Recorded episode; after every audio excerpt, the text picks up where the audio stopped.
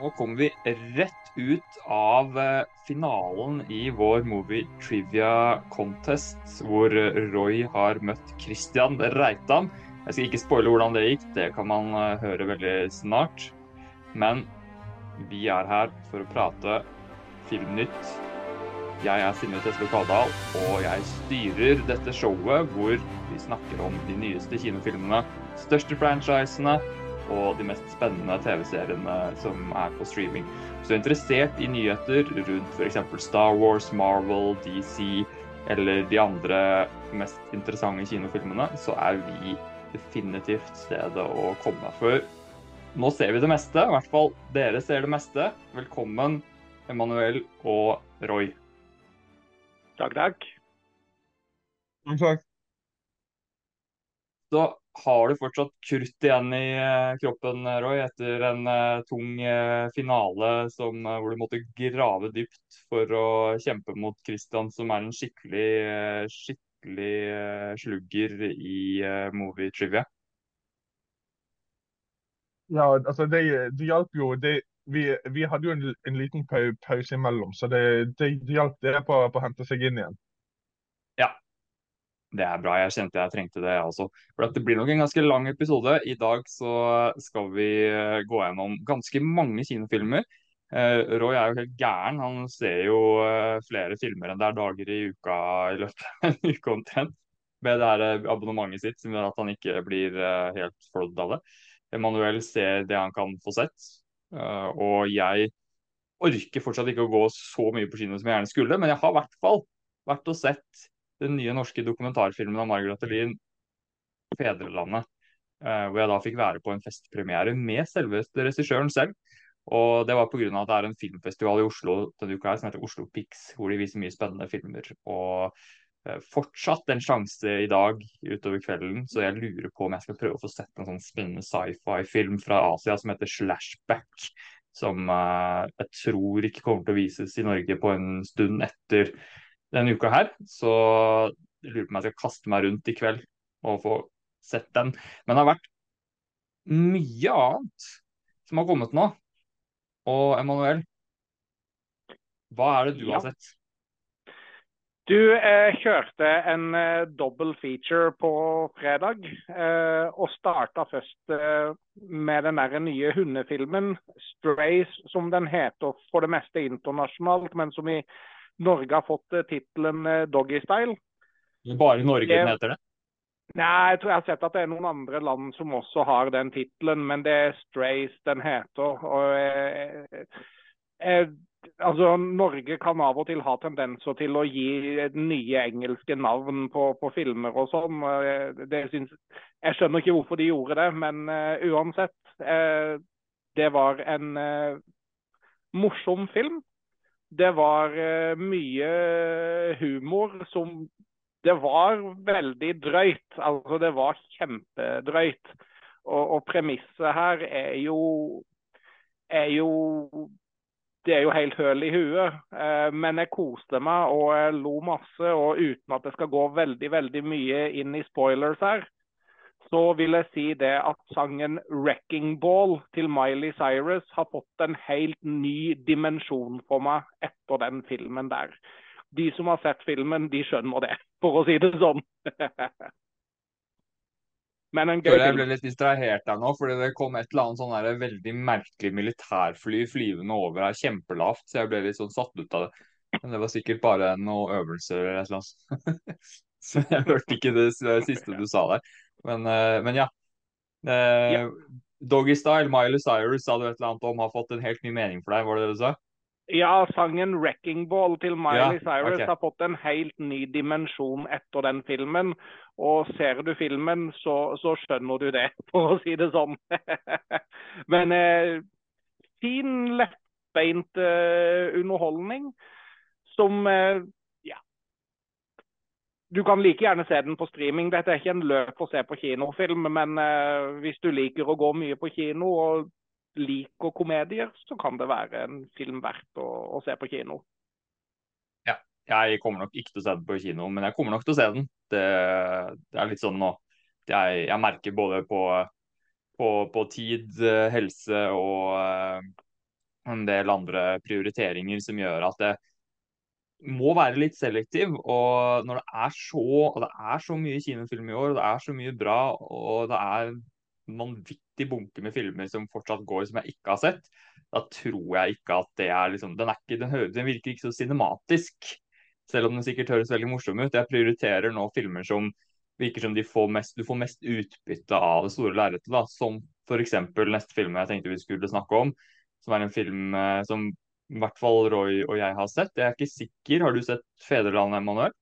Jeg har ikke fått sett 'Fedrelandet' ennå. Uh, og, og, jeg så jo da reaksjonen til Roy. Han lager jo sånne korte out of the theater-reaksjoner som man kan se en del av på, på kanalen, selv om jeg har vært litt dårlig til å dele de siste du har sendt meg. Så virket jo du relativt lunken på den filmen, men du endte jo allikevel opp med å gi den en 7,1, da. Eh, så vi kan jo være enige om at det var godt håndverk, Roy, men kanskje ikke en film som passer for alle.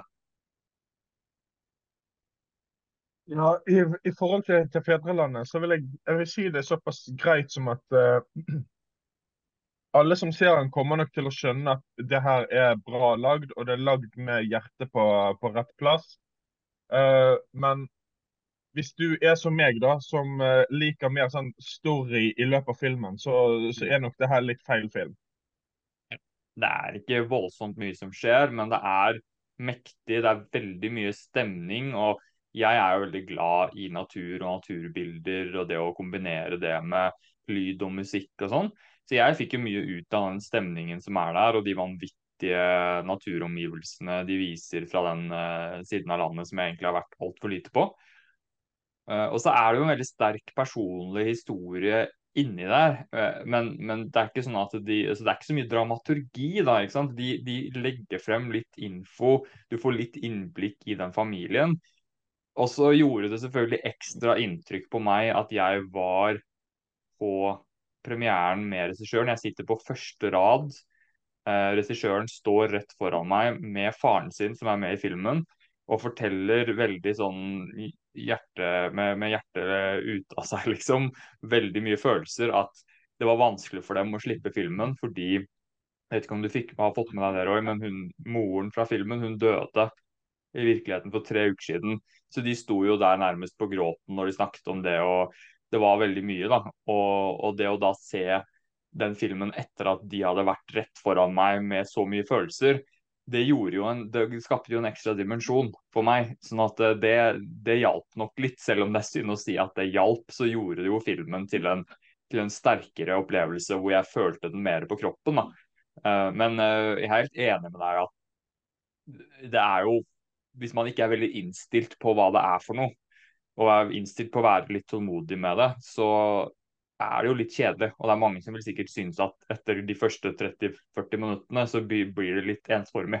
Eh, jeg forventet jo kanskje også at det skulle være noe mer der. Altså At det skulle være noe mer å fortelle. Men det, det, de tingene som filmen fortalte, sånn som jeg opplevde det, handlet mer om å fortelle deg noe om en feeling og en opplevelse som de som bor der har hatt gjennom livet sitt som de ønsket å formidle og dele, og at man kanskje skulle føle på noe man ikke følte på så mye, som gjør at man går ut av den filmen og kanskje ser på dette med leve i ett med naturen og få sånne naturopplevelser eh, på en ny måte, eller at man i hvert fall blir litt minnet på det. Sånn at man får mer lyst til å kanskje leve litt annerledes eller forholde seg litt annerledes til hverdagen enn det man gjorde fra før av. Og det tror jeg den filmen kommer til å lykkes ganske bra med for mange. Uh, men det er ikke den filmen du går og ser hvis du skal skru av hjernen og bare la deg rive med av et eller annet artig. Det, det, er det ikke. Har du tenkt å se den, Emanuel? Uh, jeg har tenkt å se den. Uh, om jeg mm. får sett den på kino, det, det vet jeg ikke. For det er litt flere ting på, på menyen nå denne måneden her. Men eh, den står på lista over ting jeg vil få sett. Så mm. om ikke jeg får sett den på kino, så skal jeg i hvert fall få sett den hjemme. Ja, ikke sant. Og det er en veldig visuell film, så jeg vil jo anbefale deg, hvis du skal se den, å prøve å få sett den på en kino. Uh, for det var veldig mektig, og jeg så den på en ganske stor kino, en stort lerret, og satt på første rad i sånne lenstoler, så jeg liksom lente meg bakover og liksom så rett opp. Nesten sånn at det ble litt sånn 3D-aktig. Jeg følte nesten jeg datt inn i disse naturbildene når jeg satt der. da. Så hvis du har muligheten til å se den litt sånn, så, så får du ganske mye mer ut av det enn når du sitter hjemme, tror jeg. Min, det er min anbefaling, i hvert fall. Ja. OK, men vi, vi ruller Ja, Emanuel? Ja, nei, jeg vil bare si det at jeg har jo hatt gleden av å oppleve traileren til filmen på kino. Og jeg ser jo bare på traileren at dette her en, kommer til å være en vanvittig opplevelse å se på kino. Så er det jo en kort film. Så hvis du bare er innstilt på at det er litt stillestående og du skal være litt tålmodig med den, så tror jeg det er mulig for deg å få noe ut av det. Bare ikke forvent uh, at det skjer så altfor mye. Uh, Roy rekker opp hånda, ser jeg. Da vil jeg, vil jeg snakke et slag for komediefilmene, uh, siden det ble nevnt at Strays eh, trenger man ikke nødvendigvis å se på, på kino. sånn.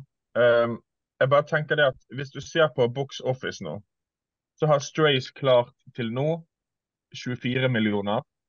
Theodorcamp, som jeg syns er vel så morsom, om ikke morsommere, har klart 3 millioner dette sier vi til, til, Hollywood at når vi lanserer Barbie, som klarer 1,3 milliarder, og Strays, som nå ligger på 24 millioner, så sier vi det at komedier har, har vi ikke lyst på på kino.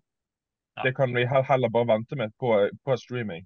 Sånn at vi, Hvis du er interessert i gode komedier, så vil jeg sette dem bare for i det hele tatt å gi din stemmeseddel på at komedier fortjener en plass på kinoen. Mm. Det er et godt poeng, Roy. Det er det absolutt. Og jeg er litt sånn i forhold til komedier at hvis du går i en fullstappa sal og det er veldig god stemning, så får, så får, du noe ut av det. Det er helt klart. Men sånn, når det bare gjelder selve opplevelsen med hvordan filmen ser ut og oppleves, så føler jeg jo ikke at, føler jeg kanskje komedier er den, den sjangeren eh, som, altså, som får minst utbytte ofte av kinoformatet, selv om det finnes unntak. Men det som er synd, er at hvis da Netflix lager en komedie istedenfor at det blir en kinofilm, så hender jo ofte resultatet er da rett og slett filmen at det ikke blir gode filmer, syns jeg. da, fordi mm. Netflix-komedier er jo sjelden noe særlig å snakke om. Uh, og, og, det virker som at det blir rett og slett bare putta litt mindre effort i det når det ikke er kinofilmer. Uh, sånn at jeg er helt enig, selv om ikke jeg går og ser komedier på kino sånn altfor ofte, så vil jeg på ingen måte at den sjangeren skal dø ut som kinofilm. Så det For meg så handler det jo bare om prioriteringer, egentlig. Hvis jeg gikk på kino tre ganger i uka, så hadde jeg sikkert uh, sett mange av komediene som kom også. Og jeg husker jo faktisk at mange av de bedre opplevelsene jeg har hatt i kinosalen uh, de siste 10-15 åra, har jo faktisk vært med, med komedier. Da, hvis man virkelig sitter og deler det med resten av salen og folk ler av det samme og sånn, så er det kjempeartig. Så det Kanskje jeg skal påminne meg selv hvor, hvor gøy det faktisk kan være å se komedier på kino. Altså. Ikke, ikke undervurdere den opplevelsen. Men da skal man ikke gå i en sal hvor det bare er solgt tre billetter. Det, da bør du være strategisk, kanskje prøve å se på en premiere eller noe. Men vi ruller videre. Det er nok av andre filmer vi skal gjennom, selv om vi kanskje ikke skal snakke så lenge om, om alle sammen. Men Emanuel, har du, no, du, du, hadde nevnt uh, Doggy Style. Ja, den eh, andre filmen eh, jeg så, det var siste kapittelet til Denzel Washington med 'Equalizer 3'. Ja. Og der Du får jo det du er ute etter ved å se den filmen. Hvis du har likt de to første filmene, så, så, mm. så får du det du er på jakt etter her. Jeg likte veldig godt at handlinga var lagt til eh, omgivelser i Italia, en, eh, et lite samfunn der.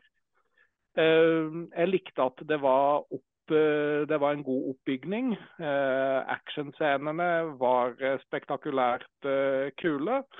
Og jeg syns det er godt å se at Denzel Washington kan levere en god action fortsatt, selv om han begynner å bli litt gammel. Så ja, dette, her, dette vil jeg anbefale folk å, å, se på kino. Både hvis de har vært fans av de andre Equalizer-filmene. Kanskje hvis du bare har vært fan av den første, men ikke fullt så fan av den andre. Jeg synes den var bedre enn film nummer to. men ikke bedre enn film nummer én. Men eh, en kul sak. Eh, en kul franchise. Så Equalizer 3, den syns jeg er litt must see på kino. Den kan jeg dele. Er, den er absolutt uh, en av alternativene når jeg skal gå på kino nå neste gang. Nå rekker du opp hånda igjen. I forhold til, til Equalizer 3 Jeg har jo ikke sett noen av de to første. Uh, og jeg uh, vil tørre å påstå at du trenger ikke det heller for å se treeren. Du skjønner jo ganske fint hva, hva det går, går, i. Og jeg likte det at um, jeg føler at i hvert fall den første halvdelen av filmen har veldig sånn western-type uh, preg over seg. bare da i, i moderne tid. da med at du har den her fremmede som, som, går inn i byen, får et bra forhold med resten av byen. Og så har du da denne onde gjengen, som i en westernfilm hadde jo vært liksom en sånn posse-type gjeng, men mens her så er det ma mafiaen. da. Sånn at jeg, jeg, følte, jeg, følte, egentlig at du kan kalle det for en moderne western som ja. gradvis går inn i action. Ja. Hmm. Spennende. Spennende. Det var, eh, det var visuelt eh, storslagent eh, til å være en actionfilm, eller? Ja, det var gode Det var, det var kule, kule fight-scener, holdt jeg på å si, og kule sånne der, shootouts og, og sånt. Og det var bra filma, bra bruk av omgivelsene. Eh, nå vet jeg ikke ja. om de faktisk filma i Italia, men det så veldig ut som Italia. Og det, det syns jeg er bra. Ja. Det er jo sånn at uh, lista har blitt lagt ganske høyt nå på uh, actionsjangeren. Uh, på kinofilmer når man har John Wick uh, og sånne, sånne typer filmer som det der. Hvor, altså Fast and Furious som er noe helt annet. Da, men det er sånn enten om det er litt mer tullete og banalt eller litt mer elegant som John Wick er, så har jo produksjonsverdien på sånne actionfilmer blitt veldig høy. Så, så, man forventer jo når man går og ser en sånn film på kino, at det skal være litt skala på det. Eh, problemet er vel kanskje noen ganger at det kan compromise eh, storyen lite grann. Så, men syns dere, det syns begge to det var en god balanse her mellom underholdende action og at storyen funka?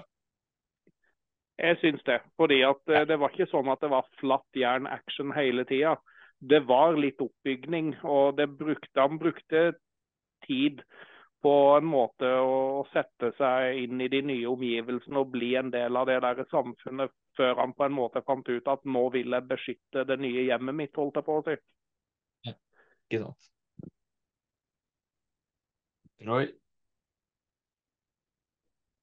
Jeg mener også at um, Equalizer 3 er på en måte At uh, actionscenene er mer på en måte supplementerende til en uh, drama slash krims-type for fortelling. da, Hvor du, du, har de scenene som er veldig uh, groteske og, og, og, brutale.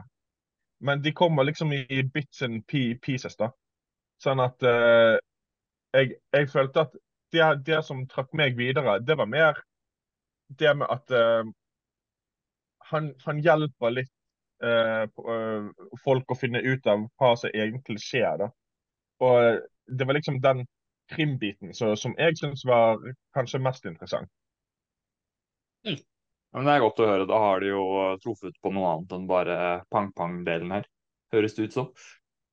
All right, vi ruller videre, Roy. Uh, gjør en liten oppramsing av de filmene du har sett. Du trenger ikke å si så mye om, om, om alle, kanskje, men bare sånn kjapt hva du ville gitt de, og, og om du syns det var bra eller dårlig. Ja, skal vi se. nå har vi tatt Strays og Equalizer 3. Da går vi videre på Hvem er du, Mamma Mø? som da er en barnefilm. Uh, og dette er type barnefilm for de minste. De, de aller minste. Um, den er helt, helt grei. Uh, jeg så den kanskje litt for tidlig, for det er per definisjon en julefilm. Um, så uh, så jeg jo uh, Paris i mitt hjerte. det var en fransk film som på en måte handler om relasjonen mellom to personer. en taxisjåfør og en passasjer. eh, hvor passasjeren på en måte forklarer om livet sitt idet de kjører gjennom Paris. da. Um, og Det er kanskje den beste franske filmen jeg har sett. Denne filmen kommer ikke til å tjene penger. Uh, for den har jo ikke blitt promotert på noe som helst måte. Uh, sånn at hvis du liker franske filmer hvor mye av greiene er dialogene og uh, på en måte for, kjemien me mellom de på, på skjermen, så, så, er det her definitivt filmen. Um, Fedrelandet har vi snakket om, og da er det Skolen med de magiske dyrene er egentlig en tysk film som har hatt premiere nå i, i Norge. Men i Tyskland så kommer den ut i 2021. Sånn at for oss er den ny, og for de så er den to år gammel. Den var veldig gøy. Eh, jeg trodde jo egentlig at det skulle bli sånn Harry Potter-aktig i, det jeg gikk inn. Eh, det var det ikke. Det var på en måte mer at eh, det er dyr som kan snakke. Og så må de hjelpe å finne ut av hvem, hvem er det som driver og gjør ugagn på, på skole. Så det ble òg en, en, litt sånn krimsak. Men veldig gøy forklart. Mer sanger underveis i filmen som var fengende og kule. Uh, hvis, hvis, Mamma Mø er for barnehageelevene, så vil jeg si at uh, Skolen med de magiske dyrene er for mer sånn SFO mellomtrinnet-type barn. Skal vi se. utenom det, så Ja, men det, det, det kan jeg vente meg til, til anbefalinger. Det var vel alle kinofilmene. Og så skal jeg også se reality i, i kveld, da. Ja. Jeg vil også da nevne her i Oslo nå, så nå har jeg ikke sett helt når den egentlig kommer. Jeg husker ikke helt premieredatoen, men uh, Blackberry har jo hatt en del visninger uh, her. En film som har vært uh, snakket mye om. Den, den, høres jo egentlig skikkelig spennende ut. Er det en mm. film dere har tenkt å se når den kommer? Eller dere ser jo alt, så jeg burde ikke spørre om det. Men, men er det, det er en film dere har liksom sett frem til? Jeg ser veldig frem til den, i hvert fall. Ja, fordi den, eh, Det er liksom litt sånn eh, dilemma for meg nå, fordi jeg har bare en kveld igjen av den festivalen her. Og da er det liksom den og eh, den derre sci-fi slashback-filmen og et par andre som i tillegg har virket veldig interessante. Men jeg kan ikke rekke å se mer enn én i kveld. Så jeg må gjøre en liten sånn prioritering der. Så jeg lurer på om jeg skal sjekke opp hvem det er som er lengst unna sånn i offisiell premiere, og så kanskje prioritere den av de som uh, er lengst, uh, lengst, unna, rett og slett. Da. Men uh, vi, får jo, vi, får jo, muligheten til å se de, regner jeg med uansett. Selv om kanskje den asiatiske muligens ikke blir en, en offisiell kinopremiere i, i, Norge, fordi de pleier jo ikke å det er jo bare de største asiatiske filmene som vanligvis kommer i eh, og som får ordentlig kinolansering i, i, Norge. Så det er mulig at det er den jeg burde prioritere, fordi den tror jeg kanskje ikke det går an å se, se igjen senere. da.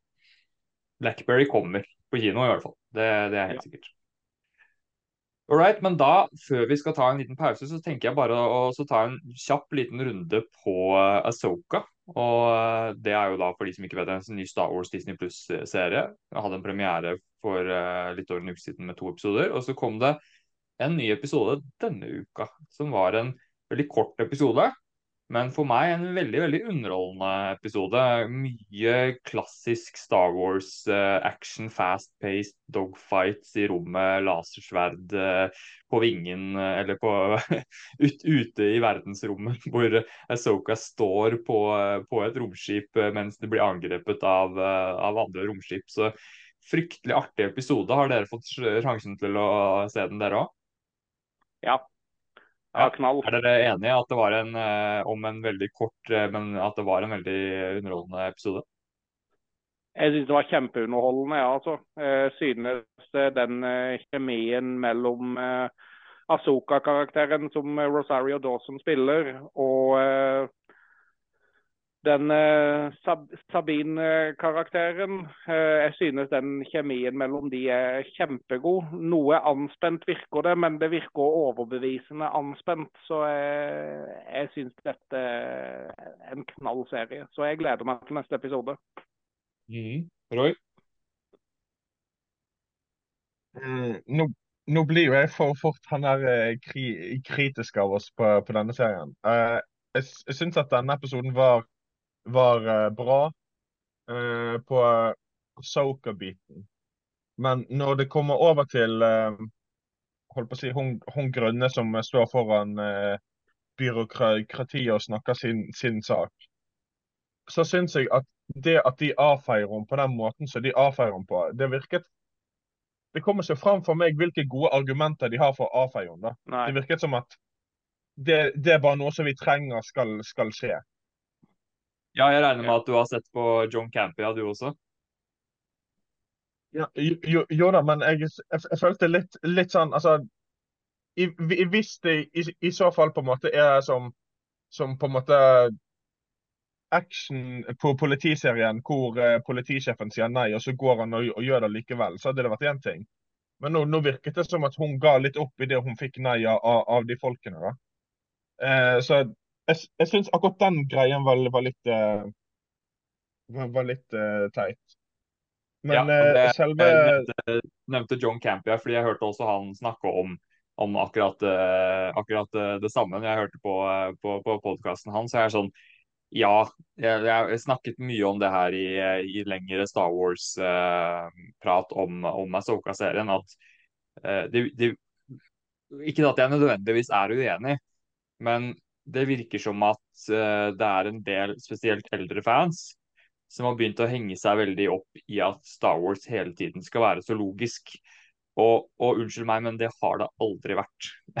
Hvis du går tilbake og prøver å se på sånne ting i de originale filmene òg. Det fins så mange eksempler på ting som ikke har noen god forklaring, eh, logiske brister og sånn, men jeg tror kanskje at Andor-serien har eh, skada folk litt, fordi den var så mye mer seriøs. Uh, og, og, og, ting var så mye mer logisk og, og, veldig sånn nøye folk fortalt. Veldig ikke typisk Star Wars. At når ting går litt mer sånn fast-paced og det skjer litt mer, og man må ha litt sånn enklere forklaringer på ting noen ganger, eller i hvert fall man får ikke alltid nøye forklart hvorfor ting er som det er, så, så kanskje man legger litt mer merke til det. Jeg sier ikke at det er en unnskyldning alltid for at ting ikke skal forklares, men det har, det er ikke noe som bare har vært feil her, da. Eh, men, men åpenbart, man kan jo kritisere det for det. Og, og, jeg tenker at hvis man tar akkurat den casen der, da, så følte jeg at det var ikke bare Det var ikke noe man gjorde bare for å få plottet til å altså få det til å skje, det som skjedde. Det, det, var, det, det handlet om å fortelle at den nye republikken er litt sånn handlingslammet og litt sånn apatisk i forhold til de tingene som skjer. Som er noe som blir snakket om mye senere i, i forskjellige bøker fra den perioden, og også til slutt leder opp til det som blir the first order, og hvorfor de klarer å vokse frem igjen. Fordi de er så låst i de tingene de holder på med. Og så er det også sånn at det er visse folk inni det systemet, uten at jeg liksom skal ta noe for gitt hva, som er hva her. Det er folk som jobber inni det systemet allerede, som kanskje har veldig gode grunner for at de ikke vil blande seg inn. Så jeg tror jo kanskje at det blir avslørt etter hvert at det var noe veldig mye mer bak det at de ikke hadde lyst til å gjøre noe. Det tror jeg. Ikke at jeg vet det, men jeg tror det er veldig god sjanse for det. Så Roy rekker opp hånda selv. Jeg, sier det at hvis det nå i, i senere episoder kommer fram hvorfor, så, mm. så, så tilgir jeg det på, på en måte. Mm. Eh, men og det, det, er ikke bare i Star, Star Wars. Eh, hvis du tar Avengers 1-filmen, mm. så, så, har jo du den kjente Nick Fury-sitatet. Eh, I, I've seen the, the council's decision, but given it's a stupid ass decision, I've chosen to ignore it. Ja. Sant? Sånn at det, det, det skjer jo i, i andre franchiser men jeg, jeg, ville vel kanskje heller at hun skulle ha et litt sånn Nick Furry-moment der, enn å gå på en måte med, med skuldrene langt ned, ned, nede og kjenne på defeat, siden de sier at du kan ikke gjøre det. Mm. Ja, ja. Nei, jeg, jeg, skal jeg tenkte ikke så mye på det. Jeg var mer sånn fascinert av ok, hvem er det som er en del av den nye republikken, hva er det som er agendaen dem. Så jeg, det eneste jeg tenkte på når de snakket om at de ikke ville gjøre noe, så tenkte jeg også på hvorfor vil de ikke gjøre noe. Jeg tenkte ikke på oi, dette er teit fordi det gir ikke noe mening at de ikke vil gjøre noe. Jeg tenkte Oi, hva er det som er gærent her? Hva er det som er gærent i denne nye republikken som gjør at de er så handlingslammet? Så jeg tror at Dave Filone som har laget serien, er smart nok til at han at det var en bakgrunn for det. Det, det er min, min, magefølelse. At det, det skjønner man etter hvert. All right, men da er det nok Asoka-prat for denne gangen. Jeg tenker at Hvis man vil høre mer, så har jeg og Olaf eh, gått veldig i dybden av både de to første episodene og den siste episoden nå, så det ligger ute både på YouTube-kanalen Jurassic Star Lords og på Filmnytt eh, på Spotify og de andre stedene du finner oss. Så da tar vi en liten pause, gutta, før vi skal kaste oss inn i noe eh, Marvel-prat og uh, gjøre en sånn topp fem-rangering av de beste hundefilmene i uh, anledningen av Doggy Style.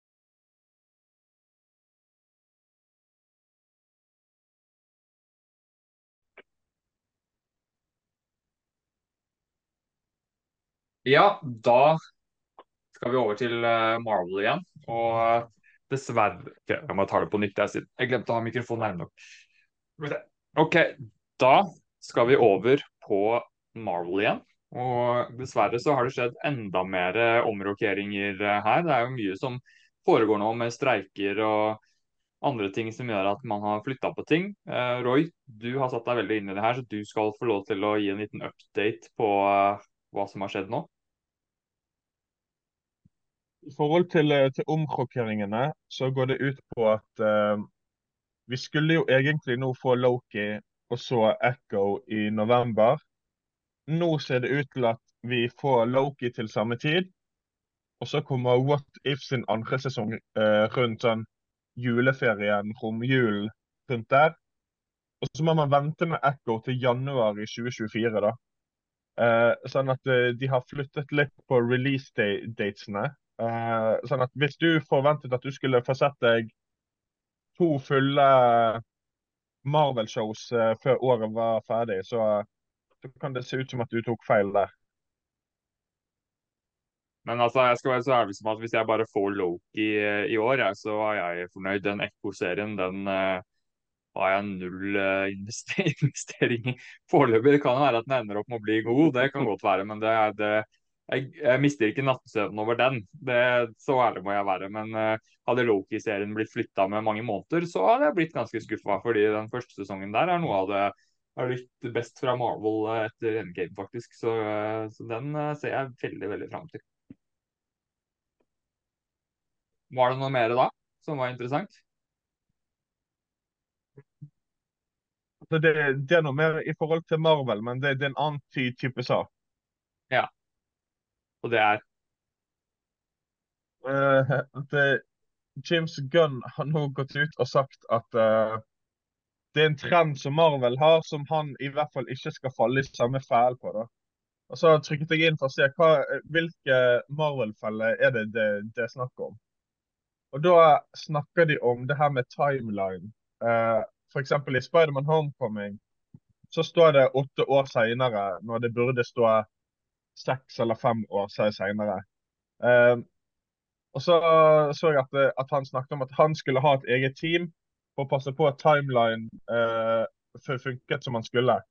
Mm. Men jeg satt jo igjen litt med, litt med følelsen da om uh, Er dette egentlig et så stort pro problem at det står feil type tall, liksom? Uh, for jeg, jeg må vel si det at det er mye man kan ta Mar Mar Marvel for, men jeg føler at i forhold til om, om, det står to år feil eller noe i en film, så uh, irriterer det meg mer hvor lett det er å fikse på, og at det ikke er blitt fikset, enn at den feil er der. Ja, ja, ikke sant. Ja. Nei, altså jeg, jeg, føler litt at det har blitt sånn i Marvel nå at det er så mye å holde styr på at de fleste klarer ikke å henge helt med på hva som er hva i forhold til sånne detaljer uansett. Sånn at det, det blir jo for de fansene som virkelig driver og henger, altså, som følger med og bare sånn Nei, vent litt, det matcher ikke opp mot det og det og sånn. Så det er jo selvfølgelig unødvendig, men jeg tror liksom 98% av de som ser filmene, de tenker ikke et sekund over det, egentlig. Uh, så det er ikke egentlig så viktig, men det kommer litt an på hvor langt det blir dratt. da, ikke sant? Hvis det begynner å virkelig bli sånne store ting som Altså hvis en film virkelig etablerer at OK, dette skjer etter denne filmen, Eh, men så får man en annen indikasjon på at er den hendelsen som skjer i den filmen som den skal følge opp, det har ikke skjedd ennå. Hvis de begynner liksom å rote på den måten, da, da, blir det vanskelig. Men det må på en måte bare si det har gått, ja, det har gått seks år eller det har gått åtte år. Hvis ikke det er noe mer med det enn det. Det, det er ufarlig. Som du sier, det er lett å rette på etterpå, liksom, hvis, de, hvis de har lyst til det. da. Sånn, hvis det, hvert fall hvis det bare handler om en tekst som bare står 'eight years later', så kan de skifte det til 'six years later'. ikke sant? Det, det er ikke så veldig vanskelig. Nei, da er det, det var kanskje ikke så veldig mye mer å si om det, eller? Ja, Roy? Eh, det er en, en, en sak til eh, som handler om Agatha-serien. Ja. Um, og det er at uh, den har reportedly uh, byttet navn, da. Uh, hvor først så, så kalte de den jo for Agatha, og så var det Agatha Coven of Chaos. Nå har han reportedly byttet navn til Agatha Darkhold Diaries. Som noen tror spekuleres i betyr at Agatha kommer til å ha en eller annen form for spoof på Princess Di Di Diaries. Men uh, vi, vi, får se. På, hvorfor de har byttet navnet til Darkhold Diaries, det, det, vet vi ikke. Nei, den kan skifte navn til hva den vil for min del, så lenge den er bra. For de som ikke vet det, så er jo da Agatha var denne heksa fra WandaVision-serien. Um, spilt av Hva er det hun heter igjen, Roy? Vet jo hva hun heter. Hun heter Catherine Hone.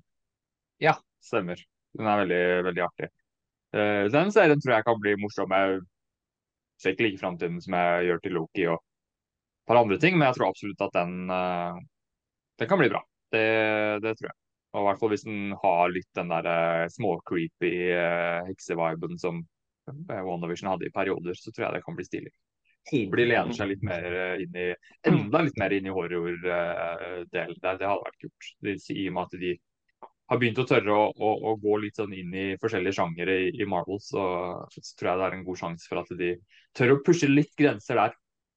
Håper jeg virkelig. OK, da skal vi bevege oss over i hundeverdenen, eller? Ja. ja.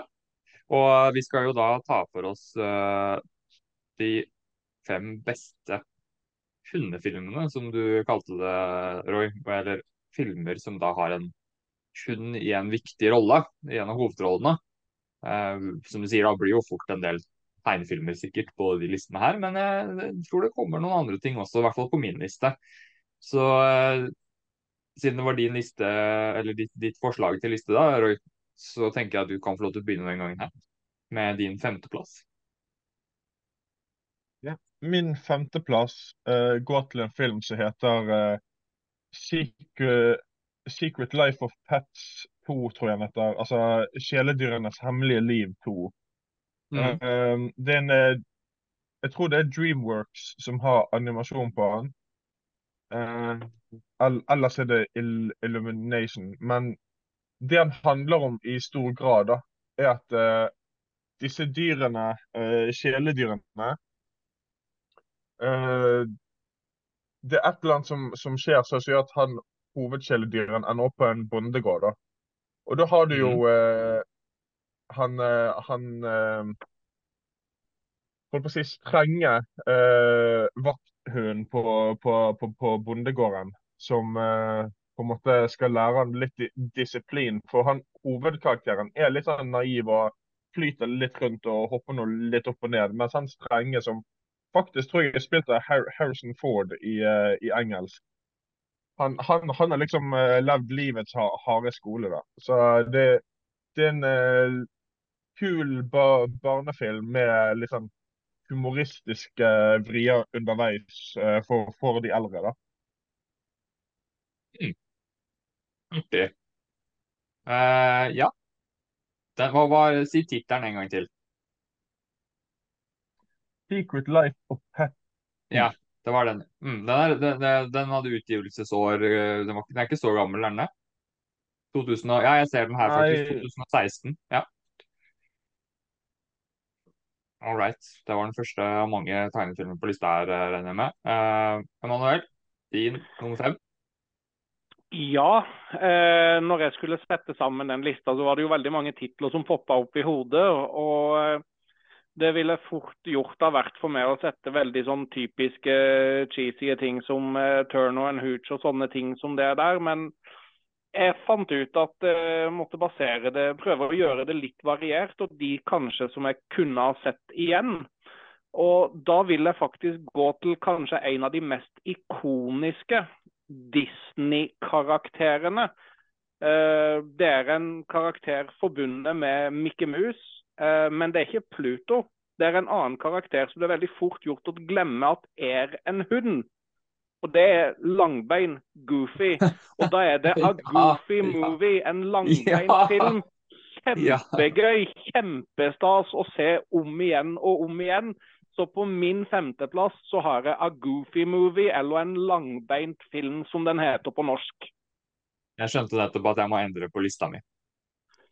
Jeg har ikke tenkt det som en hundefilm, men det, nå må jeg gjøre noe, nå må jeg endre på ting her. Yeah. All right, men uh, jeg trenger ikke å uh, bytte på uh, min femteplass. Den står, og der har jeg The Fox and the Hound. Jeg regner med at i hvert fall Emanuel har sett den? Fantastisk nydelig film.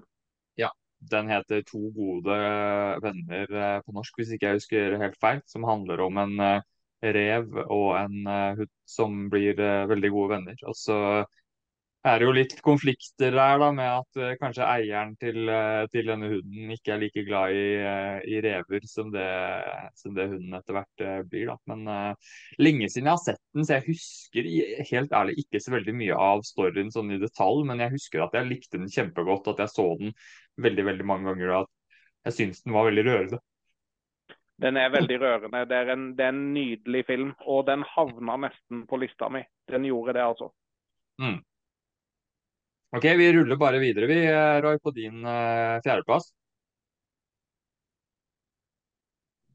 da får jeg før ta fjerdeplassen, så vil jeg bare si i forhold til uh, for Fox and the Hound at det filmen vel strengt tatt handler om, er jo at de blir venner i ung alder, men pga. hvordan de har oppveksten sin, så faller de ifra hverandre, siden han er en jakthund og han er en rev. Sant? Så det, det, er jo en, en veldig sånn eh, holdt på å si, finger til eh, hvor mye liksom, miljøet har å si for hvem du blir i livet. da. Mm. Um, så jeg ville, jeg ville bare sky, skyte inn den, den, den, der, for det, det, er nok en av de vil jeg si, mest undervurderte Disney-filmene. Den fjerde plassen min den går til 101 dalmetinere. Vi kan ikke ha denne listen uten uh, uten eh, dal dalmatinere som løper løpsk rundt i londonske gater. Mm. Uh, det her er, er, jo en klassiker som jeg tror ikke man trenger å man, man trenger ikke å forklare hva denne filmen handler om. Jeg tenker at De som hører på Filmnytt, må jo på en eller annen måte ha fått sett denne filmen. Ja, ja, ja, absolutt. Det, det er det ikke noe tvil om. Den uh, har jeg sett også veldig, veldig mange ganger.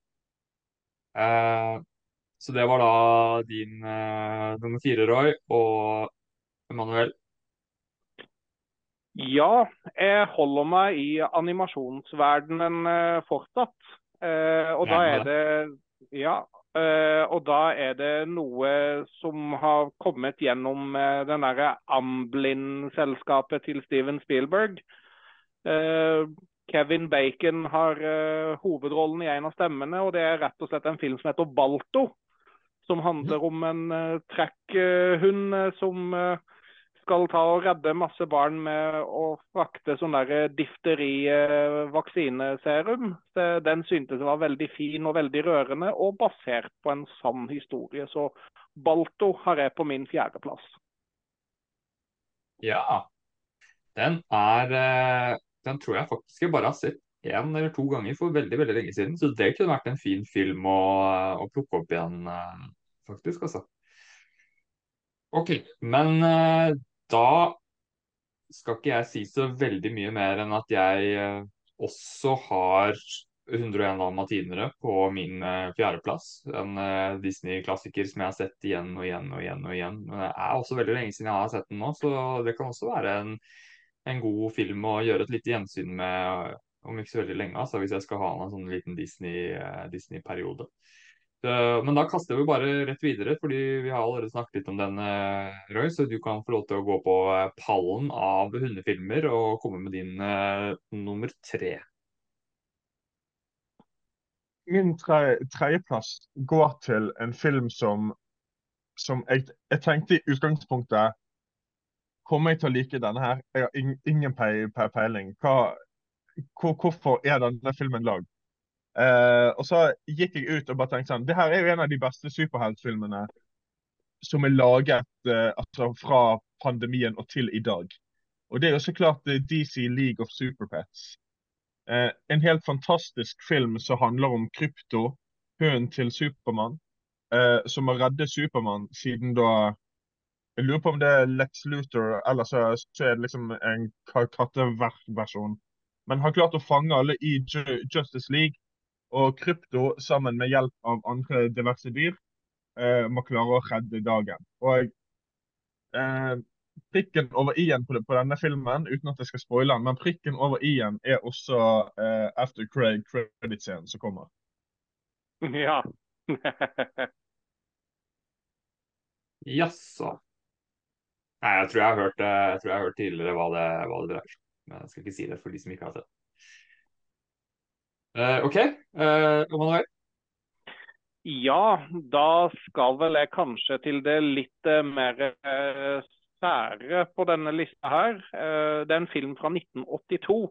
Litt over i horrorsjangeren. Og da er det ikke Cujo jeg snakker med. Den kunne ha havna på lista mi, den òg. Men det er en film fra 1982 som heter White Dog. Som handler om en hund eh, som er trent til å angripe kun mørkhudede mennesker, holdt jeg på å si. Eh, og da er det den prosessen rundt det å trene den av det der, holdt jeg på å si. Altså lære den opp til å ikke gjøre det. Og Det er en ganske brutal film, egentlig. Men uh, det var noe med den som gjorde at den var veldig engasjerende allikevel. Jeg tror ikke den filmen kunne ha blitt laga i dag. Uh, men den synes jeg var såpass spesiell og egentlig god, selv om den har den tematikken. Så derfor måtte jeg ha White Dog fra 1982 på lista mi. Og så vil jeg bare si det at uh, det er ikke greit å trene opp hundene sine til å angripe mennesker med annen hudfarge. Jeg, jeg står ikke inne for det, bare så det er sagt.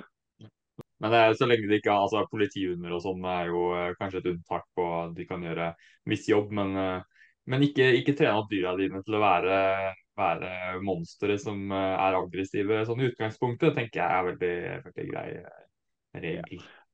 Men det var, altså, det var liksom Det var poenget der, ikke vel? At det, var, det, det, det er så galt liksom at folk kan være så rasistiske at de trener ja, ja, opp hunden sin på, på, det der. Og måten de trente opp den hunden på, var det at de hadde betalt en mørkhuda fyr til å mishandle den hunden, sånn at den hunden automatisk skulle bli aggressiv mot folk med den hudfargen.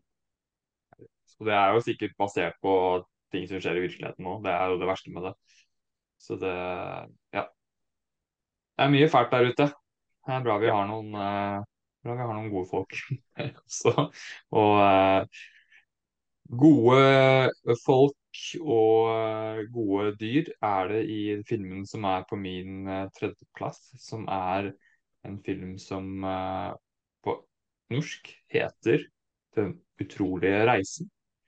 Homeward mm. Bound, The Incredible Journey er uh, originaltittelen. Og det er en film jeg ja, Jeg aner ikke hvor mange ganger jeg så den, jeg. men det var mange ganger. Jeg har jo egentlig forhold til den norske dubben, men det var vel eh, Det er vel Michael J. Fox, tror jeg, som er eh, en av eh, stemmene der i den, den originale versjonen. Men det handler jo da om to hunder og en katt som er mm. egentlig på ferie fra familien sin. Da, eller de blir plassert på en gård, og så skal familien reise bort. Og så syns jo ikke akkurat at hundene det, og katten det er så veldig gøy. De, de skjønner ikke helt hva som skjer, og de lurer på nesten om de har blitt forlatt. De lurer på om det har skjedd et eller annet gærent, og lurer på etter hvert når det går tid hvorfor de ikke har blitt henta. Så de bestemmer seg da for å stikke av og, og for å rett og slett prøve å finne veien hjem. Men de er jo veldig mye lenger hjemmefra enn det de er klar over, så de blir jo da litt sånn fortapt i villmarken og møter på veldig mye forskjellige farer av uh, truende dyr, bjørner og andre ting som uh, de kanskje ikke er helt vant til å hanskes med. Da. Så veldig veldig sjarmerende film med en sånn kjemperørende slutt som uh, man lett kan begynne å gråte av. Har dere sett den, begge to? Jeg tror jeg har sett den for lenge siden. Mm. Roy? Min andreplass uh, går uh, til Strays, som nå går på, på kino. Uh, veldig gøy film. Jeg syns at det er, det er også den mest troverdige live action-filmen i forhold til at hunder da liksom kan snakke, da. Jeg, jeg syns at måten de fikk hønene til å på en måte bevege munnen på mens re replikkene kom, fikk meg til å faktisk kjøpe her, her var det Reggie Hoon som sa og ikke Will, Will Ferrell. Um, og når, når, det er sagt, så er det, Hvis det er én ting som, som, jeg skal ta straight på, så er det at backstoryen til Jamie Fox i den filmen kan minne veldig om backstoryen til Kevin Hart i DC League of Superpets. Um, utenom det så, så syns jeg at det, det, er en helt fantastisk gøy, gøy film å se på.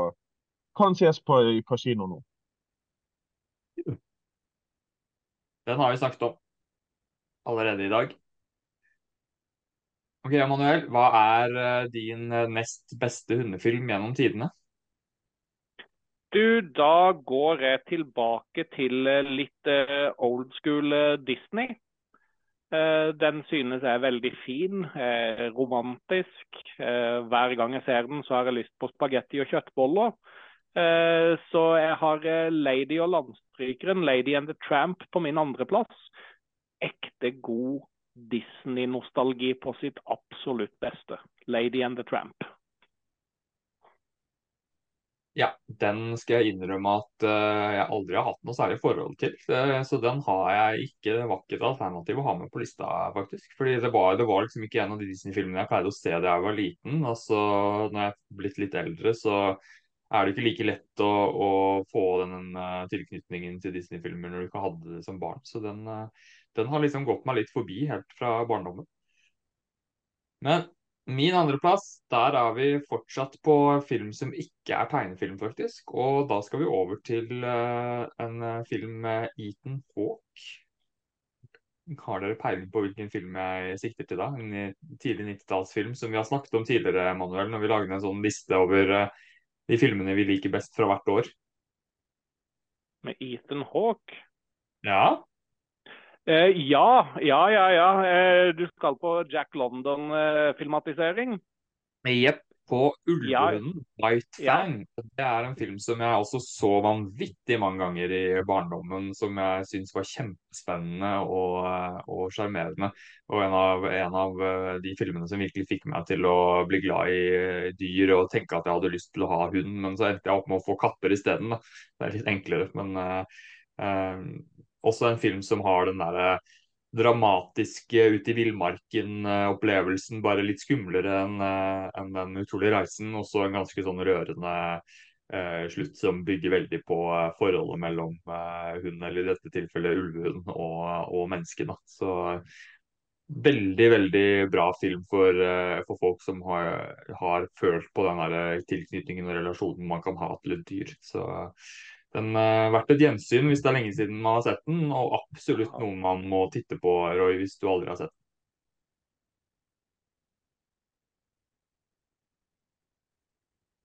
Da skal du få lov til å kåre en vinner. Eller i hvert fall en beste hundefilm. Den beste filmen med, med en hund i, i, i hovedrollen er, er, den filmen som vil si er mest castet gjennom tidene. Uh, denne filmen uh, befinner seg veldig mye på en øy. Og det handler om et mysterium som fire tenåringer og én hund er nødt til å fikse opp i.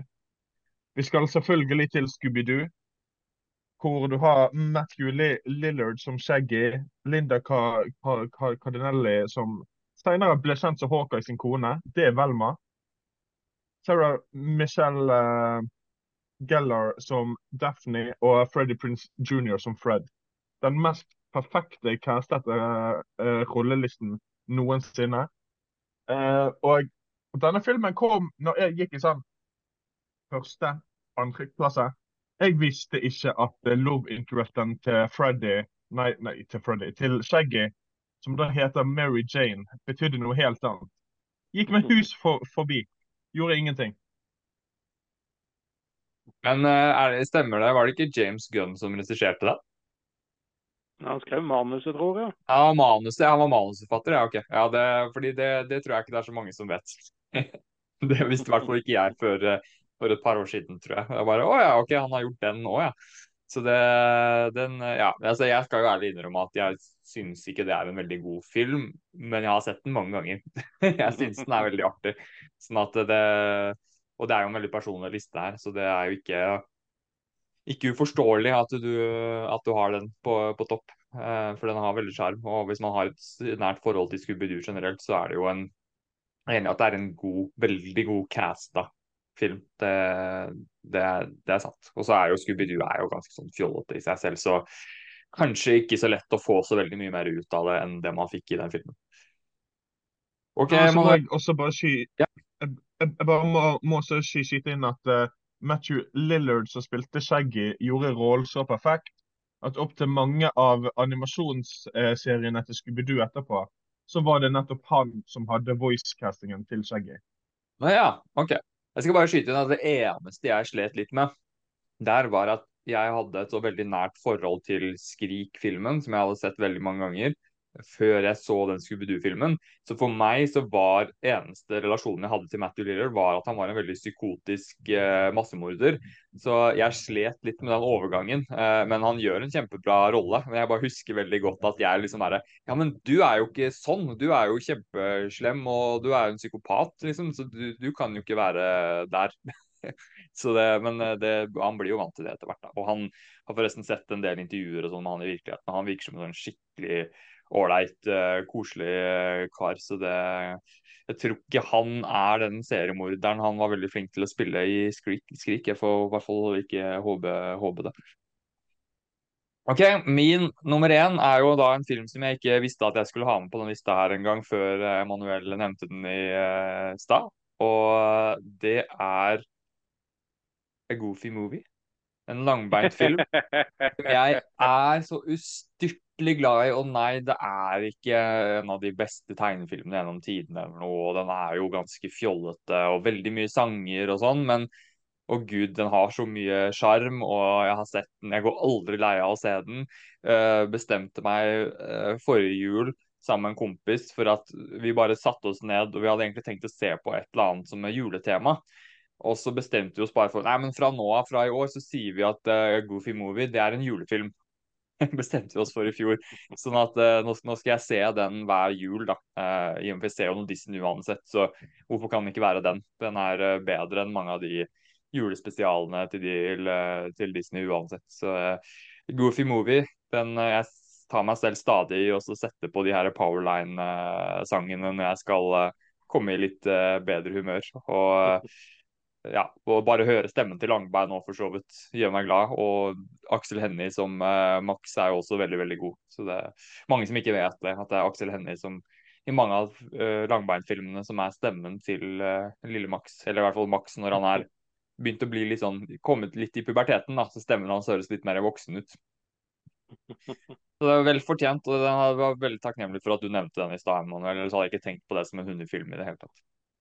Nei, ja, det er godt at, det er godt at jeg klarer å minne folk på at eh, langbein er en hund. fordi at det er det veldig fort gjort eh, at man glemmer. For man tenker jo ikke på de dyrene. Mickey Mouse, og, altså Mickey Mouse, det sier seg sjøl, det er en mus, ikke vel? Mm. Donald Duck is a duck, ikke vel? Men eh, jeg må jo si det at den filmen som jeg har på førsteplass, det synes jeg den fineste hundefilmen noen gang laga. Det er en av mine favorittfilmer. Eh, det er egentlig en remake av en japansk film som er basert på en sann historie. Den heter Hachiko. Ja. Hachiko heter den. A Dog's Story. Det Richard Gere har liksom fronter den, men det er jo ikke mye han egentlig er med i filmen. Og Det handler om en, om en hund som er veldig lojal mot eieren sin. Mm. Uh, og Han er nede på togstasjonen og venter på eieren sin hver dag når han skal komme hjem fra jobb. Uh, og så dør eieren, men den hunden den nekter å forlate den togstasjonen. Så den er der hver dag i mange mange år etter, helt frem til den dør. Og står på utsida av togstasjonen og venter på eieren sin. Det er noe som har Den bare traff meg rett hjem, så derfor har jeg denne her på, på førsteplass. Uh, den er regissert av Lasse Hallstrøm, en kjent svensk regissør. Den er tilgjengelig på Viaplay. Kanskje ikke så kjent for folk, men det er en film som jeg vil anbefale alle å se, egentlig, hvis de vil virkelig kjenne det i hjerterota. Den har jeg ikke sett, så den skal jeg, den skal jeg absolutt ta oss og notere meg. Veldig, veldig fin anbefaling. Ok, men Da rekker vi kanskje akkurat å kåre en vinner her, hvem som har den beste lista, før vi skal ta en kjapp liten pause igjen. Eh, så jeg lurer på om jeg da begynner uh, å ramse opp mine igjen, og så får dere gjøre det, og så tar vi det derfra. Jeg hadde jo da med to gode venner. Jeg hadde med 101 dalmatinere. Jeg hadde med Den utrolige reisen. Jeg hadde med den ulvehunden. Og så på førsteplass så hadde jeg en langbeint film. Oi, hva var din liste? Jeg hadde Secret Life of Pets 2, 101 dalmatinere, DC League of Super Pets, Straith og Scooby-Doo. Okay. Og Emanuel? Jeg hadde da A Goofy Movie, eller en langbeint film. Så hadde jeg Balto, White Dog, Lady and the Tramp, eller Lady og landstrykeren. Og så hadde jeg den her Hachiko, uh, A Dog Story på førsteplass. Det ble vanskelig for meg å velge her, fordi Roy han har bare to filmer eh, jeg har sett. Manuel har vel tre, men en av de husker jeg omtrent ikke noen ting fra. Men fordi du har min førsteplass i Manuel, så må jeg nesten gi seieren til deg. På grunn av A Goofy Movie. Så da får du et poeng fra meg. Jo, tusen takk. Uh, når jeg kikker på, på, listene, på listene, her, uh, så er det klart det at Jeg har jo sett alle filmene sånn som jeg ser det på begges lister. Homeward Bound husker jeg veldig, veldig lite av. Eh, vanskelig, men jeg tror jeg må gi den til Sindre, altså. yes, her, yes. For, ja, fordi at den der ulvehunden er en veldig veldig god, god, påminnelse om en film som jeg vet jeg vil se igjen. Som jeg bare har gode minner fra. Ikke sett den siden jeg så den på skolekino når jeg gikk på ungdomsskolen, tror jeg. Så Sindre, du får den. Det er jeg veldig takknemlig for. og Jeg har veldig lyst til å få lov til å bestemme en liste igjen, men jeg mistenker kanskje at eh, Roy kommer til å gi den til Emanuel, for jeg tror ikke han har sett så mange av de filmene jeg har på lista mi, men du hadde kanskje ikke sett så veldig mange av de Emanuel hadde heller? Jeg tror ikke han har det, vet du. Mm jeg, har sett alle film, jeg har sett alle filmene på Sindre sin liste utenom uh, Ul Ulvehunden. Uh, på Emanuel sin så har jeg sett uh, Lady og, og, og landstrykkeren. eh, og eh, A Goofy mo Movie. Så Sindre får, får han eh, for, for meg, siden, eh, rett og slett siden du har uh, såpass mange fi filmer som jeg, uh, som jeg husker. Og jeg, for eksempel Den utrolige reisen husker jeg at det var en av de filmene som, som vi leide om igjen og om igjen og om igjen fra liksom uh, leiesjappen uh, på, på lørdagene. Mm. Sånn at det, det er Sindre som er vinneren, altså. Ja da, OK. Da skal jeg, mens vi har en kjapp liten pause her, så skal jeg bestemme meg for hva som skal være tema for neste topp fem-liste. Så da kan dere vente i spenning i noen få minutter mens vi tar en liten eh, do- og henter drikkepause. Så prates vi igjen om kanskje fem minutter, gutta. Er det greit? Yes. Yes. OK. Ha det. Hei da.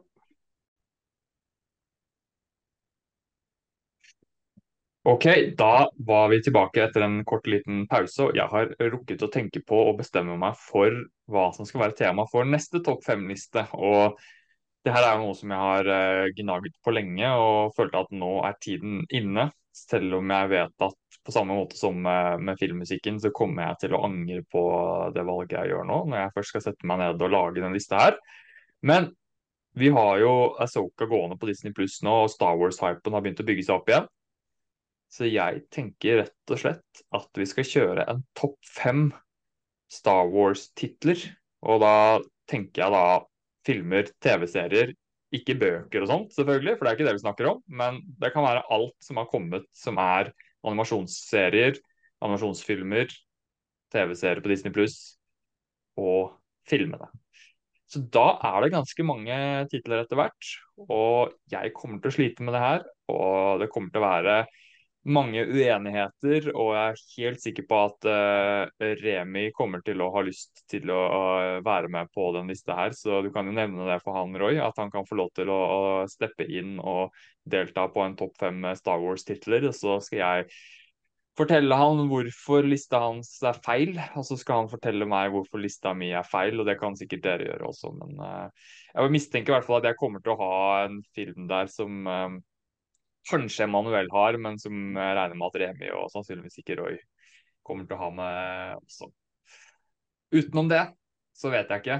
Jeg vet to av titlene jeg kommer til å ha med, tror jeg. Men uh, ellers så er det veldig Det kommer til å gjøre så vondt. Jeg kommer til å få så vondt i magen og hodet av å lage den lista der. Men det blir uansett veldig gøy å snakke om det. Ok, da skal vi over på noe som ikke handler om ting vi har sett ennå, men som er noe som eh, Emanuel har fått lov til å være litt med på, som først kanskje var litt sånn hysj-hysj, men nå hadde du anledning og lyst til å prate litt om det. Og hva er dette for noe, Emanuel? Jo, eh, nå har de jo vært ute i media og nå har de jo sagt at de filmer i Arendal og de har eh, offentliggjort eh, hovedrolleinnehaverne. Men eh, vi får nå i Norge Norges første boksefilm. Eh, som da er eh, biografifilmen om eh, Havnå-brødrene, altså Erling og Magne Havnå. For oss som bor i Arendal, så er jo de veldig godt kjent. Men jeg regner jo med at de fleste kanskje har fått med seg hvem Havnå-brødrene er og har vært. Eh, Magne Havnå var jo en ganske merittert eh, bokser. Eh, han var verdensmester i cruiservekt og gjorde det ganske bra. Og han er også far til Kai Robin Havnå, som nå gjør det veldig bra innen boksing. Og så har han jo en bror, Erling, som bl.a. har vært verdensmester i kickboksing og litt sånn, men han er kanskje mer kjent for at han var deltaker i, i Nokas-ranet. Men det er jo uansett eh, Det handler jo ikke om Nokas-ranet. det er jo De lager jo en film om to brødre, holdt jeg på å si, og, og deres forhold til hverandre. Og, og, veien til toppen. Og Magne døde ganske tragisk i en båtulykke i, i 2004. Så jeg tror at uh, dette her blir en veldig, veldig god film. Uh, det lille som jeg har, har fått se, som jeg ikke har så stor mulighet til å snakke annet enn at de tar oss litt tilbake i tid. Bård Breien er regissøren. Han har regissert 'Detektiv Downs' og 'Kunsten å tenke negativt'. Og så har de da casta Tobias Santelmann, kjent fra Exit bl.a., til å spille Erling. Og Odin Våge, er det det han heter, som spilte GT i Rådebank, til å spille Magne. Og når jeg har sett de, og med tanke på at eh, jeg har jo sett Magne og Erling ganske mange ganger i løpet av mitt liv, så er det ganske perfekt castet. Jeg har fått lov å være statist i den filmen. Eh, jeg har eh, lenge sagt til meg sjøl at får jeg muligheten til å gjøre det, så vil jeg gjøre det. Men eh, når det var snakk om den filmen der, så følte jeg det at eh, jeg har trent kickboksing så vidt det var litt grann når jeg var ti år gammel, når Erling drev kickboksingstudio. Magne drev ringside bowling i Arendal, som jeg vokste opp og hadde gode minner med han. Da tenkte jeg at dette var en film jeg absolutt hadde lyst til å prøve å ta en liten del av. Så jeg ser virkelig frem til at uh, vi får i Norge Norges første boksefilm. Det tror jeg blir en knallfilm. Det, det er spennende. Vi er jo glad i uh, del boksefilmer, vi, Manuel. Så jeg bare håper, og det må jo ikke slå dårlig ut, men jeg håper at ikke de som lager den filmen, gjør den samme feilen som jeg føler en del filmskapere i, i Norge gjør, i hvert fall fra mitt perspektiv. Det er at de prøver å, å kopiere litt mye fra Hollywood-filmer når de lager sjangerfilmer. Og så blir det en litt sånn blek kopi av noe jeg føler jeg har sett flere ganger, bare på, et, på en større skala og litt bedre, med litt bedre produksjon. da. Uh, jeg, jeg, håper ikke at den filmen her lener seg for mye inn i typiske Hollywood-klisjeer i hvordan filmen er fortalt og hvilke grep de gjør og sånn. Uh, fordi da kommer jeg bare til å sitte der og tenke at ja, men dette har jeg jo sett før mye bedre. Jeg håper de prøver å, å lage sin egen film med et norsk preg, og ikke tenke for mye på uh, hva som er den populære formelen på et internasjonalt marked. Selvfølgelig så kan det være økonomiske grunner. da, ikke sant? Så jeg, jeg vet jo at mange av de filmene som jeg tenker på nå, som jeg syns blir litt for sånn bleke kopier av, av eh, Hollywood-filmer, de gjør det ofte bra internasjonalt fordi de har et sånt veldig vestlig uh, amerikansk preg på utformingen. Og så er det et stort publikum de kan selge det til utenfor Norge. Så jeg skjønner motivasjonen bak det, men jeg syns at det blir dårligere film ut av det ofte. Da? Ta, ta f.eks. Ja. den uh, Troll-filmen på Netflix. Syns ikke det var en dårlig film, men jeg følte at jeg hadde sett liksom, alle historiegrepene og, og alle klisjeene i den filmen der hadde jeg sett så mange ganger i amerikanske monster- og katastrofefilmer tidligere. Bare med et høyere budsjett, med bedre spesialeffekter, bedre actionscener osv. Så, videre. så det, det, det, trenger jeg liksom ikke å se. Igjen, det har jeg sett så mange ganger før. Selv om det er litt morsomt å se en norsk versjon av det, så, så har det liksom ikke så mye annet ved seg, annet enn at å ja, det er kult å se at det er Oslo som blir ramponert istedenfor at det er New York. liksom det får ikke ja. så mye ut av det, egentlig. Så det, jeg håper at i den boksefilmen her, at de tar veldig tak i hva er som er essensen av disse karakterene her, og hvordan kan man fortelle den filmen på en måte som passer veldig godt til tematikken og disse personene. Uh, og ikke prøve å lage en, liksom en Rocky Raging Bull-kopi på noen som helst måte. Bruk uh, type musikk som kanskje passer mer med norsk uh, film, norsk kultur. Ja, bruk, bruk, det norske for det det er verdt. Ikke prøv å Hollywoodifisere det. Og, og, og, skriv gjerne et manus som høres litt norsk ut. Fordi mange av de norske manusene de siste årene altså jeg sier det igjen og igjen, jeg får noen ganger følelsen om at det er et manus som er skrevet på engelsk i Hollywood. Uh, mm. Med klassisk Hollywood-dialog. Uh, og så har de copy liksom tatt sånn der, sånn translate, sånn Google Translate for å få det til å bli norsk. og så det bare, det bare høres ikke ut som naturlig norsk dialog i det hele tatt. Så jeg håper de unngår det. Men når det er ute av verden, veldig, er veldig spennende. Og det er veldig spennende at du har fått lov til å være med på det. Så jeg, jeg gleder meg og er veldig spent på å se hvordan det her blir. Altså. Ja, jeg gleder meg jeg òg. Jeg, jeg, tror det blir fint. De har én uke med filming eh, i eh, Norge eller i Arendal. Så reiser de eh, utenlands. Jeg tror de reiste til Slovakia for å gjøre resten av filminga der. Så, Men det, er litt, det, er litt, det har sikkert litt med besparelser og litt sånn å gjøre. Men den har 48 millioner kroner i budsjett. Det tror jeg skal være ganske stort til en norsk produksjon å være, skal det ikke det?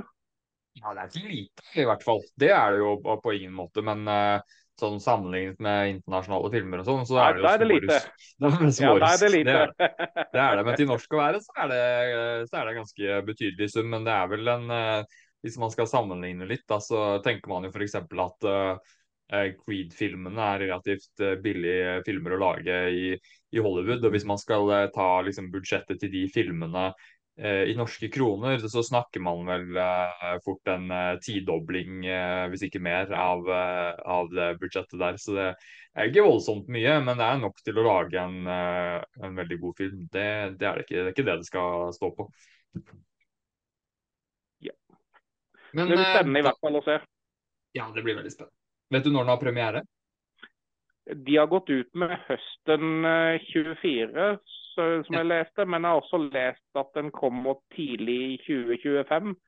Så, så, jeg, så, så, jeg, vet ikke. Men jeg tror Jeg håper i hvert fall det at folk går og ser på den filmen for å lære litt mer om det forholdet mellom de to brødrene. For det var veldig unikt. Og at en må bare se bort ifra det der lille feilskjæret Erling eh, Det er ikke et lite feilskjær, ikke misforstå meg. Nokas-ranet er ikke et lite feilskjær.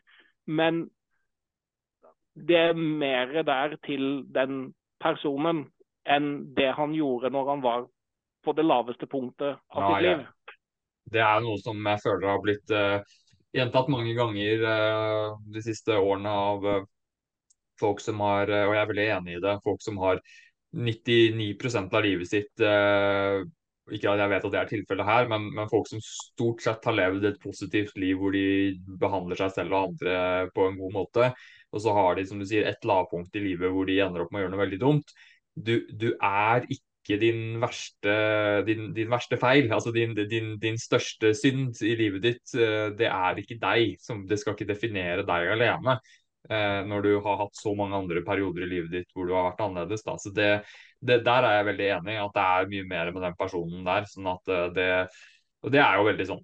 Det er veldig menneskelig å, å, å, å ta tak i sånne ting som det der, og ha lyst til å uh, gå i dybden av hva er det som ligger Hva mer enn den ene tingen man har hørt mest om bak en person? Og det, det blir man veldig lett fascinert av. Uh, fordi det, jeg tror det er veldig menneskelig å, ville liksom se det gode i folk som har gjort dumme ting. Uh, det, det, kjenner jeg meg veldig igjen i. Det er en grunn til at man ofte blir så glad i, i filmkarakterer og TV-karakterer som er eh, onde, men som du ser har noe godt i seg. Eh, ta et eksempel er jo sånn Jamie Lannister i Game of Thrones. Han jo, ble jo en veldig populær karakter fordi folk ville liksom se den gode personen bak og ville at den siden av han skulle vinne. ikke sant? Og Det, det er veldig sånn, det er veldig menneskelig.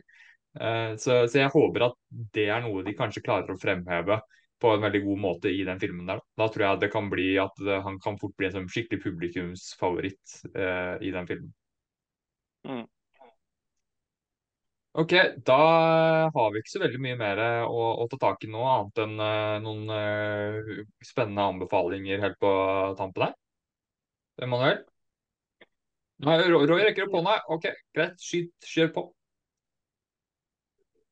Ja, jeg bare tenkte at jeg skulle si at uh, jeg har sett et nytt minutt da, av uh, Outlander. Ja, ikke sant. Og det må jo Det er jo, det er jo ikke Det funker jo ikke hvis ikke jeg glemmer også det. Det er jo blitt standarden, den også. Kjør på med det minuttet jeg gleder meg. Jeg skal lene meg enda mer tilbake enn det jeg allerede har gjort. Og nyte det. Men jeg, jeg lyver, for jeg har faktisk sett to minutter. Men grunnen for at jeg har sett to minutter denne gangen, er siden det ene minuttet nå hadde bare egentlig vært meg som sa jeg har sett introen. Uh, og jeg syns at uh, det er ikke bra nok. Så da, da, så jeg ett et minutt til. Og uh, det, det, det begynner med da, etter introen, er at hun er damen og mannen hans de sitter i en bil. De skal ta seg ferie i Skottland. Mm. Og da skal de på en måte Eh, De sier at, at det er på en måte for å slappe av, og sånn, men hun, hun mener at de egentlig tok ferien for å på en måte bli kjent med hverandre igjen etter fem år if- ifra hverandre i krigen. da. Um, og så kommer de fram, og da ser de at det er blod da, som er på en måte malt over dør, dørstokken deres. Og så ser de seg rundt i det her eh, eh, landsbyen, da. Og, og da sier de at det, det er mange av husene som har blod malt over seg. Hva betyr det her blodet? Det vet vi ikke. For så langt er ikke vi kommet. For der stoppet minuttet. Så er det spennende nå videre. Hva, hva, Veldig, veldig hva betyr det blodet? Hmm. Ja, hva betyr det blodet? Ai, ai, ai. Ja, ja. Det får vi kanskje vite neste uke, eller kanskje det tar litt lengre tid. Hvor mange minutter tar det før vi finner ut av hva det blodet er? Det blir, eh, det blir veldig interessant. Ok, men da skal vi kjøre noen anbefalinger. Manuel. du skal få lov til å begynne. Ja, eh, min anbefaling Altså, nå har jo jeg brukt de fleste ledige øyeblikkene mine til å, til å se meg opp på hele Så-serien før eh, Så 10 eller Så X får eh, premiere nå ganske snart. Men eh, det valgte i går å se, og det likte jeg kjempegodt. Jeg tenkte siden siden jeg er litt inne i den der eh, Havnå-filmen og Bård eh, Breien, jeg var ikke kjent med noen av de tingene han har laga. Så fant på TV2 Play så fant jeg Detective Downs, som jeg ikke hadde sett før.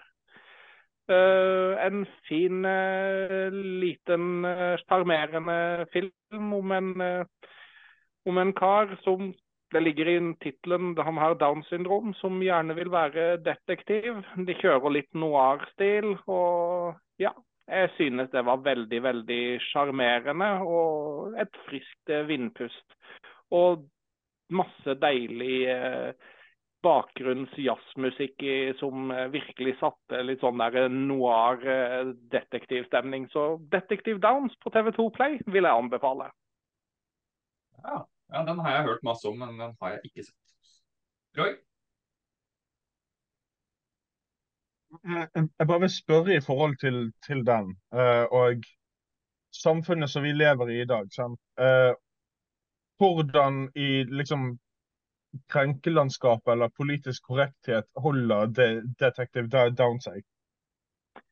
Eh, Jeg syns eh, i utgangspunktet eh, den, den har karakterer som ikke er politisk korrekte. Men det tror det, den filmen legger ikke skjul på at de som opptrer ikke politisk korrekt, at de skal på en måte ikke være politisk korrekt. De har eh, de, Du hører òg at de tiltaler ham ja, det der eh, ordet for folk med dans som begynner på M, som ikke jeg skal ta og bruke nå. Så, men eh, filmen i seg sjøl er ikke laga som en film som er ment å krenke noen. Men det er karakterer der som er krenkende, men de skal være krenkende. Ja, Det kommer litt an på fremstillingen og hvordan plottet er utformet. og sånn. Hvis eh, plottet er sånn at det fremmer uh, de karakterene som uh, har downs, og, og bruker de som en uh, Altså viser de som, en, som positive mennesker som, som gjør bra ting. Ikke sant? Da tenker jeg at da det fall, har det i hvert fall noe for seg. da, Men det er jo det er, vi er jo kanskje ikke de som har best liksom, innblikk til å liksom, bedømme det. Jeg vet ikke helt hvordan de, de som har mer innsikt i det her, faktisk føler det rundt den filmen. Men, eh, men ja. Det, det, jeg regner jo med at Emanuel hadde, ikke hadde anbefalt den hvis han følte at det var noe sånn skikkelig gærent med fremstillingen her. Det, såpass Neida, tiltro til han har jeg. Det er en varm film. Det er ikke, det er ikke noe dårlige bein i den filmen. Nei. Det er bra å høre. Jeg ser at Roy rekker opp hånda enda en gang her. For da, da vil jeg jo bare si at det, det er bra at når de først lager den filmen, og de attpåtil har Downs i tittelen, uh, så er det bra at de på en måte lager den med verdighet. da. Eh, Ja. For uh, det, jeg kjenner en del som, som, som har det, sant. Og det er jo ikke sånn at man har lyst å, å skille seg, seg, seg ut. Sånn at hvis hvis han er lagd eh, med, med, den verdigheten som jeg sitter igjen med, eller får inn, inntrykk av, så, så, er jo det bare, bare bra. Ikke sant. Ja. Ikke sant?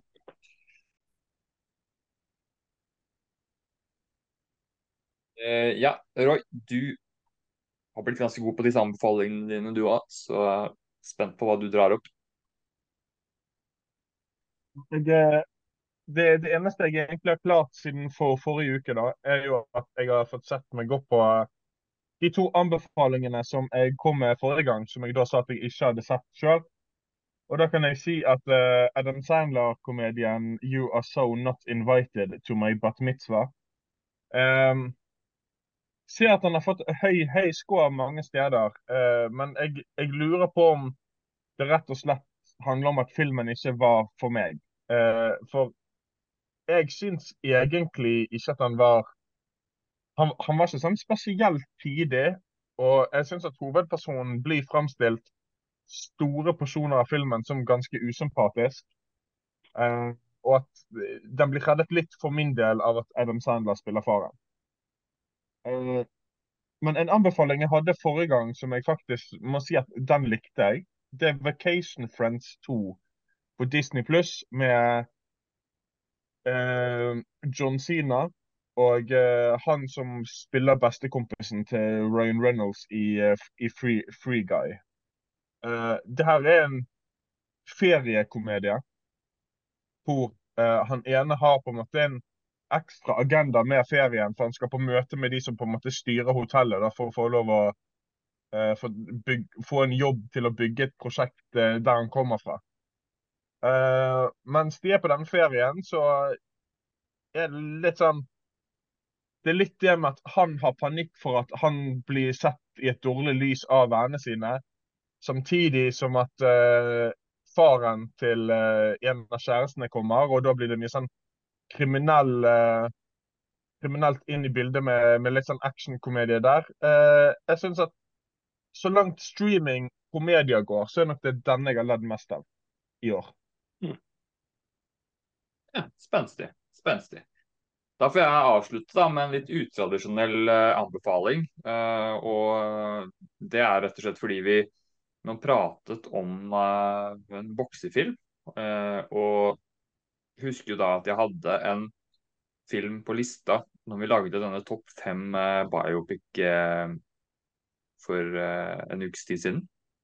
Og det er en film som jeg syns er altfor lite snakket om når man snakker om sportsfilmer og boksefilmer i forhold til hvor god den er. Og det er Russell Crowe-filmen, regissert av Ron Howard, 'Cinderella Man'. Det er en av de absolutt beste boksefilmene fra USA noensinne. Og den er utrolig godt fortalt på alle nivåer. Selv om det er en veldig, veldig standard og ganske klisjéfull historie, så er det man liksom blir Jeg blir minnet på når jeg ser den, hvorfor de klisjeene som blir brukt, er, er der. hvorfor har det blitt klisjeer? Jo, fordi det er historiegrep som i utgangspunkt fungerer veldig bra når det blir gjort ordentlig. Uh, og det er en film som treffer så mange punkter i forhold til hva en god boksefilm skal være, med hvor bra skuespillet er hele veien. Eh, hvor du har et veldig sånn fokusert karakterelement, veldig sånn fokusert utvikling. Veldig lite liksom, unødvendig fluff eh, på overflaten. Eh, kampscenene er utrolig rå og brutale og, og levende når de først eh, pågår. Musikk musikken er helt outstanding. Eh, nesten sånn opp på nivå med, med det beste fra Bill Conti i, i, i Rocky-filmene.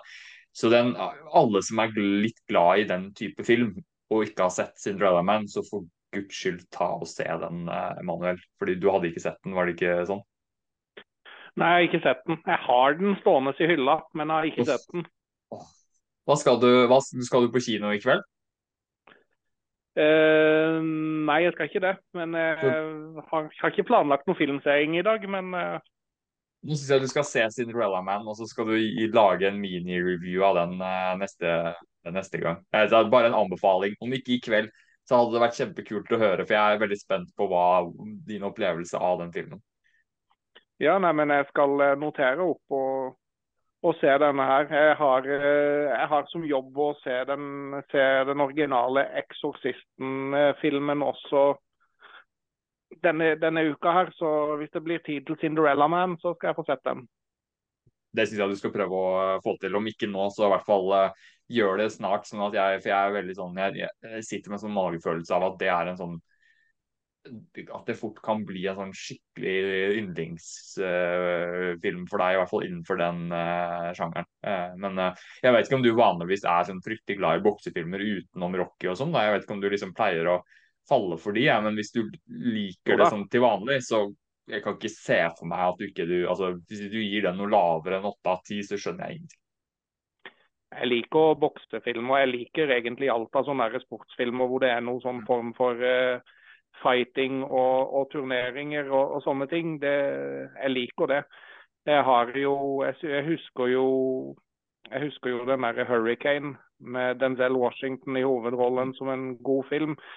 Eh, jeg husker jeg mislikte den der med Hilary Swank, den der 'Million Dollar Baby'. Men når jeg så den igjen nylig i fjor, så plutselig så elska jeg den igjen. Eller plutselig så elska jeg den. Så jeg, jeg liker boksefilmer.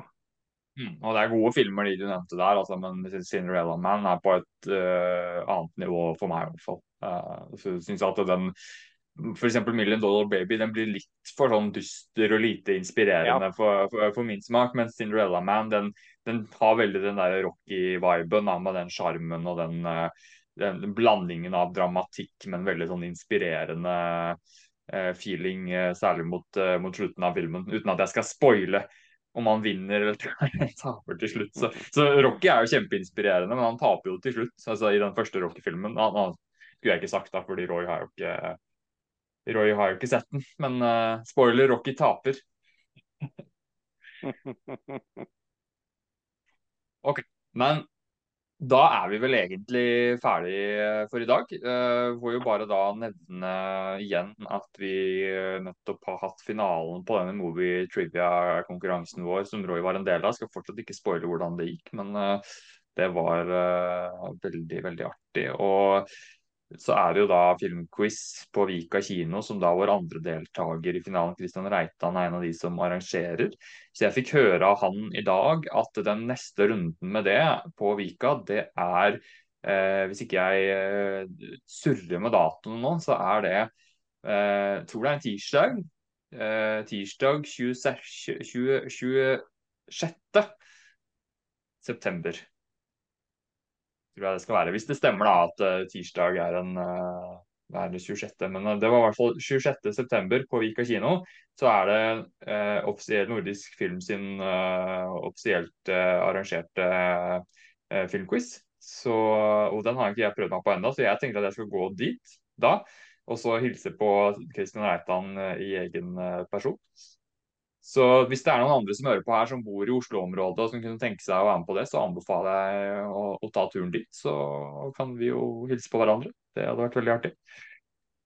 Dere bor kanskje litt langt unna, gutta, men eh, hvis dere har lyst til å sette dere i bilen eller på et fly, eller noe sånt, så kan dere jo bare uh, komme inn på en Men det er jo en arbeidsdag, så det er kanskje litt, uh, litt, litt heavy. Men hvis det kommer igjen en gang når dere har fri eller ferie, så kunne det vært artig å samles for noe sånt. da. Absolutt. Kombinere det med å se en uh, kinofilm. All right. Da sier vi takk for i dag. Vi klarte å eh, holde, vi klarte å ikke bikke to og en halv time i dag, i hvert fall, på, på, på lengde. Det er imponerende. for vi har hatt noen lengder nå som har begynt å, det har begynt å skli ut litt av og til. Men uh, det får bare være når vi er så glad i å prate som det vi er. All right. Ha det bra, gutta. Hej då! Ha det!